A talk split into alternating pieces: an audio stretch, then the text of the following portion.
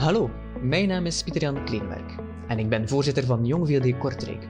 En u luistert of kijkt naar de Broekast, waarin Jong VLD Kortrijk in gesprek gaat met interessante figuren uit ons politiek landschap. Vandaag heb ik de eer om in gesprek te gaan met Hilde Voutmans, Europees parlementslid en natuurlijk ook Schepen van Sint-Truiden.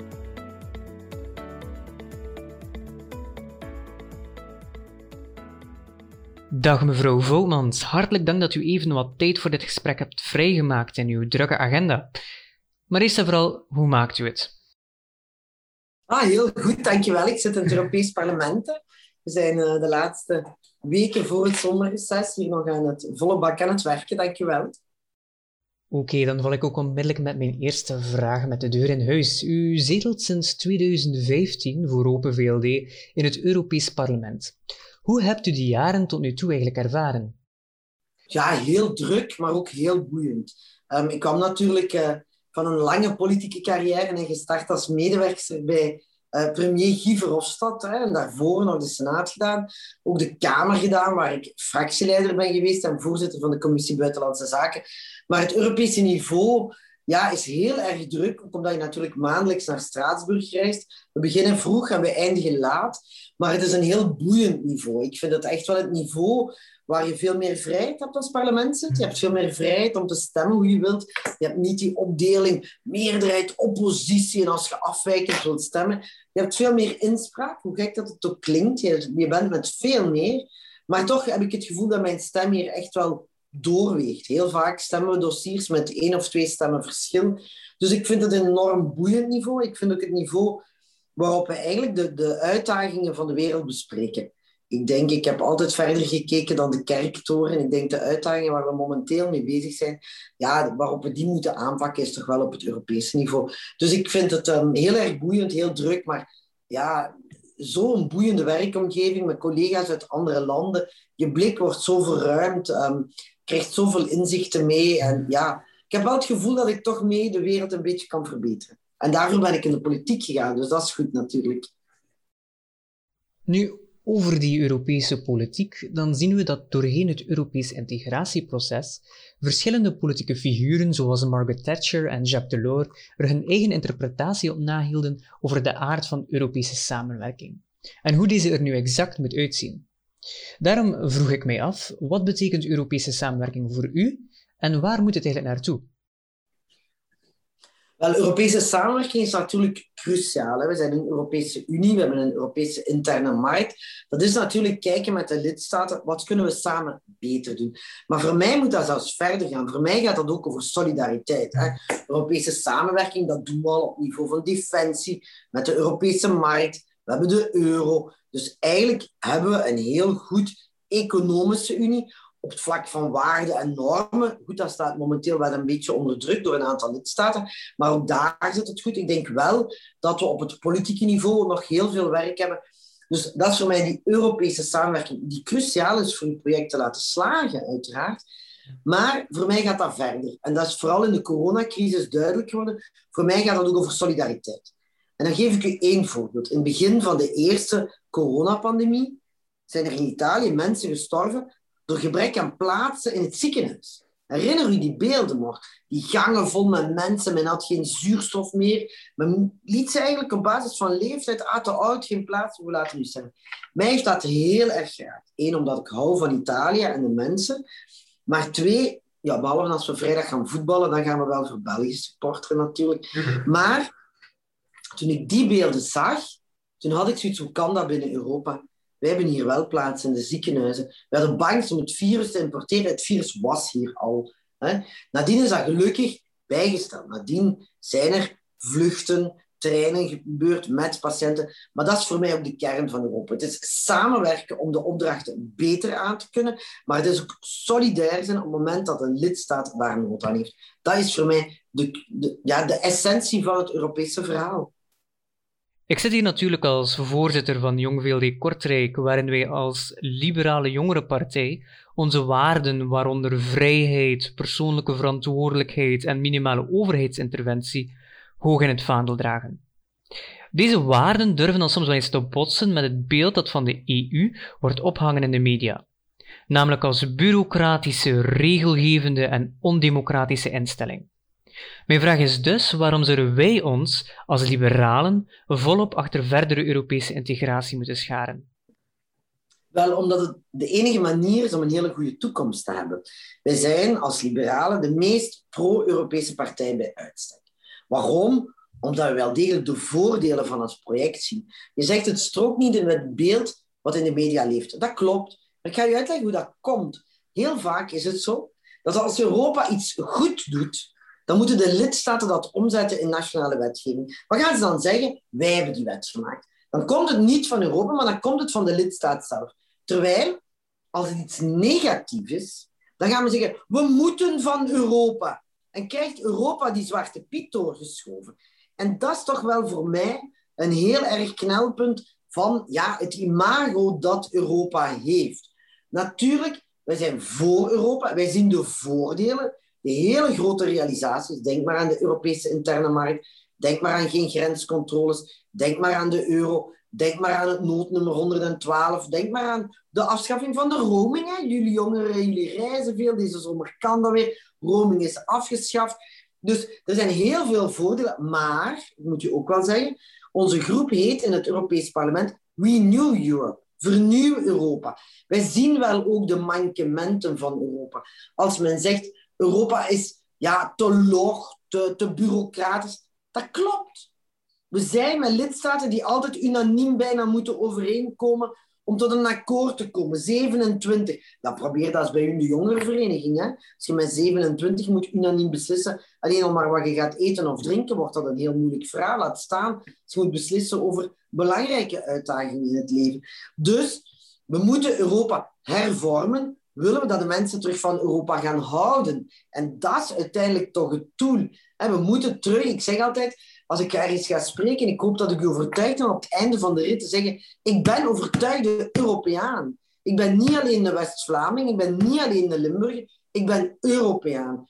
Want dat is voor mij cruciaal. Maar dan moeten we inderdaad de pijnpunten durven opsommen. En we doen dat ook hè, met Renew Europe. We hebben een hele race van knelpunten die Europa moet oplossen. En natuurlijk, ik stel een hele grote hoop op een van onze kinderen die pas geboren is, namelijk de conferentie over de toekomst van Europa.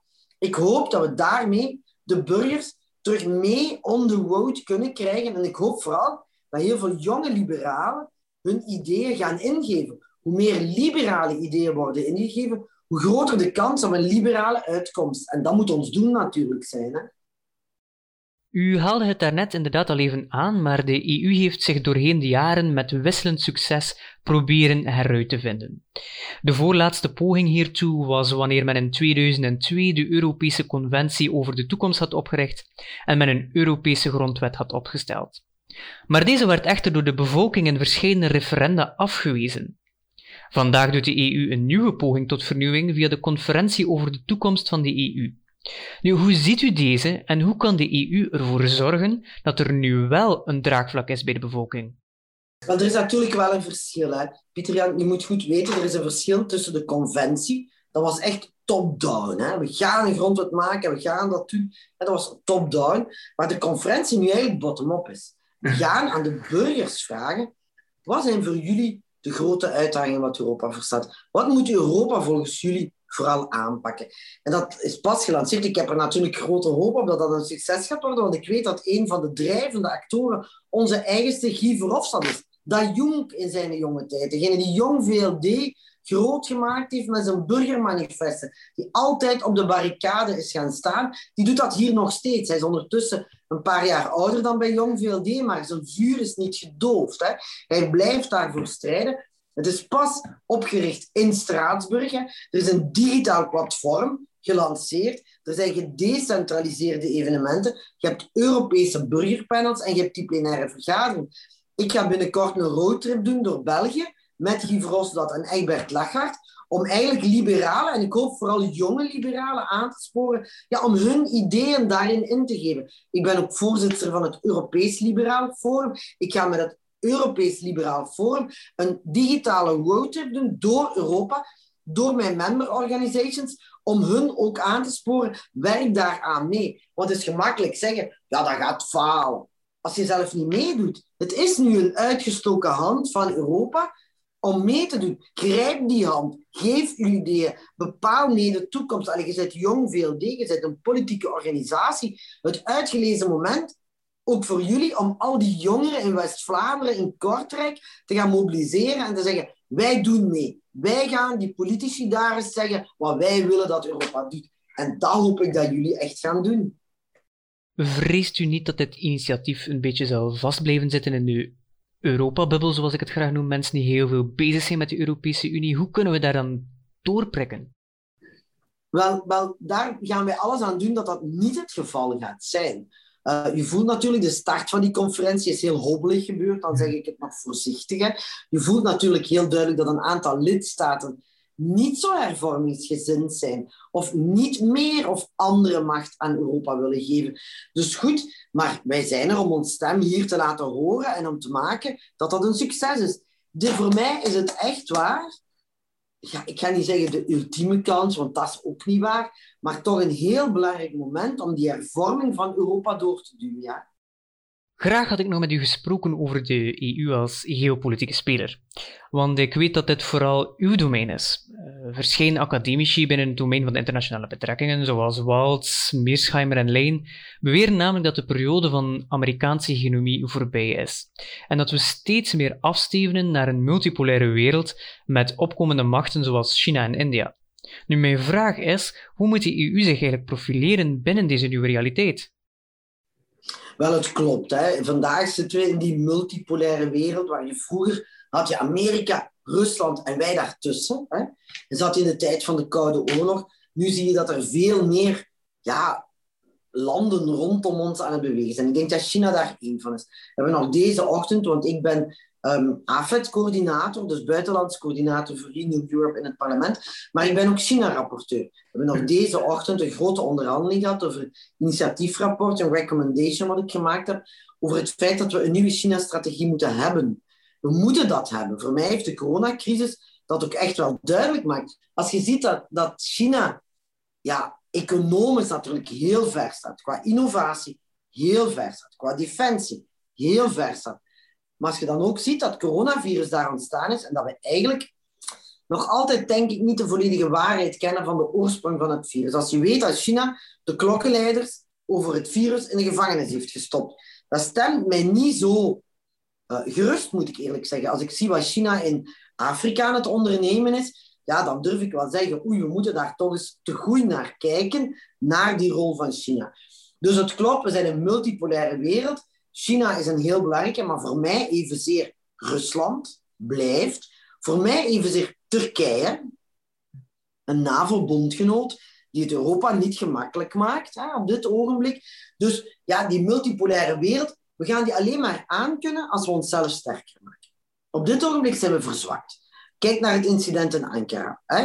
We noemden het weer het zetelincident, hè? waar Ursula von der Leyen geen stoel kreeg. Dat was natuurlijk de vinger van Erdogan. Hè? Erdogan heeft ons daar heel handig uit elkaar gespeeld. Maar het heeft wel een conflict blootgelegd. Het heeft het conflict wel blootgelegd. Ja, wie is nu de baas van Europa? De commissie of de lidstaten? De commissie of de raad? De vraag van Kissinger van, ik denk, 30 jaar geleden. Wie moet ik bellen als ik een probleem heb in Europa? Ik weet niet of we die vraag helemaal hebben opgelost. Dus ik denk dat we Europa moeten hervormen. Een veel grotere geostrategische commissie. Ik vind het incident in Ankara is voor mij zo een, ehm, ja, toen Borrell naar Rusland is gegaan en wat daar is gebeurd, hij ging eens even zeggen van laat Navalny vrij. Ja, en in de tussentijd worden drie diplomaten het land uitgestuurd. Ja goed, daar gaan we ook op ons bek, omdat het slecht voorbereid was. Het was niet doorgesproken. Borrell heeft niet echt een heel sterk mandaat ook niet. Hè. Het zijn vaak die lidstaten. En dan denk ik maar, in de tijd als we naar Poetin gingen, wie ging er? Merkel en Macron. Hè. In de tijd was het nog de voorganger van Macron niet Borrell of niet Mogherini. Hè? Het waren de lidstaten die gingen. Dus ja, er schort toch wel iets aan onze geostrategische positie, wat daar voor mij ook mee samenhangt. Ja, die, dat pleidooi voor die Europese Defensie-Unie, daar is ondertussen iedereen het over eens. Is dankzij de doorgang van Trump en dankzij de Brexit. Dat we nu veel grotere stappen kunnen zetten in die Europese Defensie-Unie. Maar ik heb nog altijd geen Europees leger.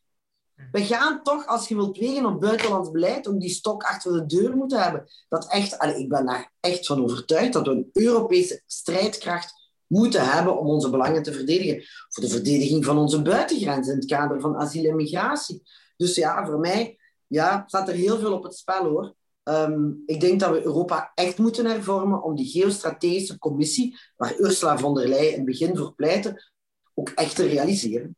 Samen staan we sterker. Dus die nieuwe China-strategie, nieuwe Rusland-strategie, daar pleit ik ook voor. Kun je zeggen, maar je pleit nogal voor nieuwe strategieën. Maar die moeten geüpdate worden. Die zijn achterhaald. Dus nieuwe China-strategie, nieuwe Rusland-strategie. Aan Turkije duidelijk maken dat Turkije met zijn huidige houding niet kan toetreden tot Europa. En dat we ook daar een andere relatie voor zullen moeten vinden. Dat is eigenlijk geen kandidaat-lidstaat meer. Iemand die zo de Europese waarden en normen met de voeten treedt, kan niet toetreden tot Europa. Ook dat moeten we zo duidelijk maar eens aan Erdogan maken. Dus goed, dus ja, veel werk op de plank hoor. En denkt u niet dat het streven naar een Europese leger wat ingaat tegen de waarden waarin de Europese Unie is gecreëerd geweest? Nee, dat is een enorme samenhang. Ik denk dat uh, die Europese Defensieunie hebben echt wel nodig. Dat is ook wat de Eurobarometer zegt en wat de Europese burgers vragen. Als je gewoon al kijkt wat nu elke lidstaat aan defensie uitgeeft, ja, dan geven we uh, 45% uit van het Amerikaanse defensiebudget, maar de outcome is maar 10, 15%. Dus je weet als je het samen doet dat je veel meer kunt realiseren. En ook, ja, ik heb niet zo bang dat uh, Duitsland ons nog gaat binnenvallen hoor. Of Frankrijk, dat denk ik echt niet. We hebben die nationale strijdkrachten voor het verdedigen van onze eigen grenzen toch niet meer zo nodig. Maar we hebben wel een Europese krijgsmacht nodig om op te treden als we vuurhaarden hebben in onze omgeving. Want ik moet zeggen, Trump is nu al weg en we hebben Biden. Biden heeft een goede indruk nagelaten op de eerste NAVO-top en op zo'n verleg bij de Europese Raad. Maar ik moet toch zeggen, ik weet niet of de States opnieuw militairen gaan sturen als we een vuurhaard hebben in onze omgeving. Ik weet dat niet. Of zij bereid zijn om bodybags terug te krijgen voor een gevecht op Europees grondgebied. Gaan zij dat nog doen? Gaat hun bevolking dat nog wensen? Dus we gaan moeten zorgen dat wij onze eigen boontjes kunnen doppen, ook op het vlak van defensie. En natuurlijk met respect voor mensenrechten, dat spreekt voor zich. Geweld mag enkel onder bepaalde voorwaarden gebruikt worden, zoals ook voor de politie bepaald is. Dus nee, voor mij is dat niet strijdig. Voor mij is dat echt wel de stok achter de deur om ja, een vrede in de wereld uh, te behouden, te bekrijgen. Want we hebben geen vrede in de wereld natuurlijk. Maar om die af te dwingen en ook te behouden. Nu, vooraleer we de Europese Unie als een echte wereldspeler kunnen aanschouwen, moet het ook intern alles op een rijtje hebben. En op dat niveau, op het Europees niveau, hebben we gezien dat er toch een aantal belangrijke wendingen hebben plaatsgevonden die het machtsevenwicht sterk hebben gewijzigd. Zo verliet het Verenigd Koninkrijk formeel de Europese Unie. En de Duitse bondskanselier Angela Merkel liet weten dat ze geen nieuw mandaat meer zal opnemen. In welke mate zullen deze wendingen volgens u een effect hebben op de verhoudingen binnen de Europese Unie? Ja, die hebben een effect op de Europese Unie. We zien dat nu al. Als je gewoon kijkt naar de Brexit. De Brexit heeft voor mij veel gewijzigd. Eén, heeft het, uh, het besef doen ontstaan, oei, um, ons project is misschien niet voor eeuwig. Er zijn hier lidstaten die ons project na zoveel jaren willen verlaten. Dat wil zeggen dat ze eigenlijk de voordelen niet meer zien. Dat wil eigenlijk zeggen dat we veel meer de voordelen van Europa ja, moeten in het licht zetten. Moeten vertellen aan de mensen, de mensen overtuigen van het goede van dit project. We zien positieve effecten van de Brexit. Ik haalde het al aan. We hebben meer stappen kunnen zetten rond die Europese Defensie-Unie, omdat men vroeger met de Britten erbij altijd naar de NAVO keek. Hè. Natuurlijk zijn er ook heel negatieve dingen gebeurd met de Brexit. We hebben minder budget, maar doordat we minder budget hebben, zijn we ook wel de stap kunnen zetten naar eigenlijk eindelijk, zou ik zeggen, die eigen inkomsten voor de Europese Unie. Wat heel lang een liberale eis is geweest, hè, want we moesten eigenlijk alles doen met bijdragen van de lidstaten met afdrachten. Terwijl ja, als je ziet de uitdagingen die op ons afkomen, dan kan je daarmee niet realiseren. Dus je moet ook gaan naar die eigen inkomsten. Dat heeft de brexit al gemaakt. Ik denk met het verdwijnen van Merkel verdwijnt natuurlijk een stabiele dame uit Duitsland. Duitsland, een van de grotere machten, die altijd die as met Frankrijk gaat. Frankrijk gaat begin 2022 naar verkiezingen. ja, ook dat zal bepalend zijn. Al die nationale verkiezingen hebben altijd wel effect. Kijk nu eens naar Hongarije met Orbán. Ja, als je ziet wat Orbán daar allemaal aan het uitsteken is, als ik het zo mag zeggen, ja, dat is om ziek van te worden. Dat is een Europese lidstaat die Europese fondsen krijgt. En eigenlijk staan we nog niet zo sterk. We kunnen die niet. Er is geen mechanisme om een lidstaat uit de Unie te gooien. Het is wel een mechanisme dat je er zelf kan uit. Dat is bewust gedaan. Pas op, dat is bewust gedaan. Maar goed, dan moet je nu wel durven ingrijpen. En als je zegt, ja, een lidstaat die ja, verbiedt dat twee homo's uh, elkaar kussen op straat of een foto door de media getoond wordt of dat men in de klas ja, uh, bijna seksuele voorlichting geeft en ook praat over andersgeaardheid en dat dat niet meer kan, ja, dat is voor mij niet Europa. Dus die mogen voor mij geen financiële middelen uit Europa meer ontvangen. Ik ben daarin heel klaar en duidelijk. En ik vond dat Ursula von der Leyen ook heel sterk daarin was. Maar goed, we zullen nu zien waar we uitkomen. Hè? Of we dat conditionaliteitsprincipe echt kunnen activeren, of we naar het Europees Hof van Justitie moeten gaan. Maar dus ja, al die dingen hebben natuurlijk een invloed. Maar ik denk, het belangrijkste waar we nu voor staan, is dat we Europa op dat keerpunt staan en Europa moeten hervormen. We hebben heel snel altijd Europa uitgebreid. We hebben die systemen erachter niet mee vernieuwd. Getuige daarvan is dat je nog altijd alles moet beslissen met unanimiteit. Dat is niet meer van deze wereld. Dus wat mij betreft is dat een van de grootste uitdagingen in Europa, hervormen. Mag ik dan tenslotte concluderen dat u zich ernstig zorgen maakt en dat voor u de grootste uitdaging is over hoe de EU moet omgaan met autoritair beleid in Oost-Europa? niet alleen Oost-Europa. Ik denk, je moet leren omgaan met die nieuwe lidstaten. Wat betreft respect voor de mensenrechten, wat betreft het gebruik van de fondsen, want ook daar weer duiken verhalen op van fraude. En dat is zoiets wat bij mensen blijft hangen. Hè. Allee, Europees geld dat niet toekomt waar het voor bedoeld is, dat stuit mensen tegen de borst. En terecht, hè. dus daar moeten we ook tegen optreden. Maar voor mij de grote uitdaging, denk ik, is Europa hervormen. Hè? Zorgen dat we de afschaffen van de unanimiteit, een echte commissaris voor budget, een eigen budget, een echte defensie worden met een Europees leger, een Europese FBI in de strijd tegen terrorisme, een echt Europees asiel- en migratiebeleid. Hè. Ook verder investeren in die economische en monetaire unie voor het economisch herstel na de coronacrisis. Wat corona duidelijk heeft gemaakt, een echte gezondheidsunie worden. Want men verwees heel vaak, waar zit Europa in de coronacrisis? De binnengrenzen sluiten, de buitengrenzen zijn open. Waar zitten we? Ja, goed, maar gezondheid is een exclusieve bevoegdheid van de lidstaten. Je kunt niet vragen dat Europa optreedt als het de bevoegdheid niet heeft. Dus ik denk dat er ja, enorm veel werk zit om Europa klaar te maken voor de toekomst. Zodat dat de burgers terug verliefd worden in Europa en echt overtuigde Europeanen terug worden. Kijk, ehm, hartelijk dank voor dit gesprek. En ik denk dat u duidelijk hebt gemaakt dat het Europees niveau enorm interessant en constant in beweging is. Hartelijk Pieter Jan, ik wil nog één ding zeggen. Ik sta ook altijd open om gemotiveerde stagiairs in mijn team kansen te geven. Dus voor wie is Europa van dichterbij wil meemaken, een week, een maand, twee maanden, stuur gerust een mailtje. We hebben wel veel kandidaten, maar er kan zeker nog een jonge liberaal uit Kortrijk af en toe eens bij ons meedraaien. En natuurlijk, als we terug mogen bezoekersgroepen ontvangen, nodig ik jullie heel graag uit uh, om eens bezoek te brengen in Brussel of in Straatsburg. Uh, eens als we corona proef dit weer kunnen doen, zijn jullie meer dan welkom om het eens van dichtbij mee te maken en te voelen de dynamiek die hier toch wel zit in dit parlement. Wel, dat is enorm fijn om te horen. En hetzelfde geldt voor u. Mocht u ooit eens in Kortrijk zijn, ben, zijn wij altijd bereid voor een toffe wandeling en dus nooit ook een aperitiefje achteraf. Heel fijn, dankjewel. U luisterde of keek naar de Brewcast, georganiseerd door Jong VLD Kortrijk. En met mezelf, Pieter Jan, als gastheer. Hebt u feedback of ideeën voor een potentiële nieuwe gast? Laat het ons weten op onze diverse sociale mediakanalen. Hopelijk tot onze volgende broadcast.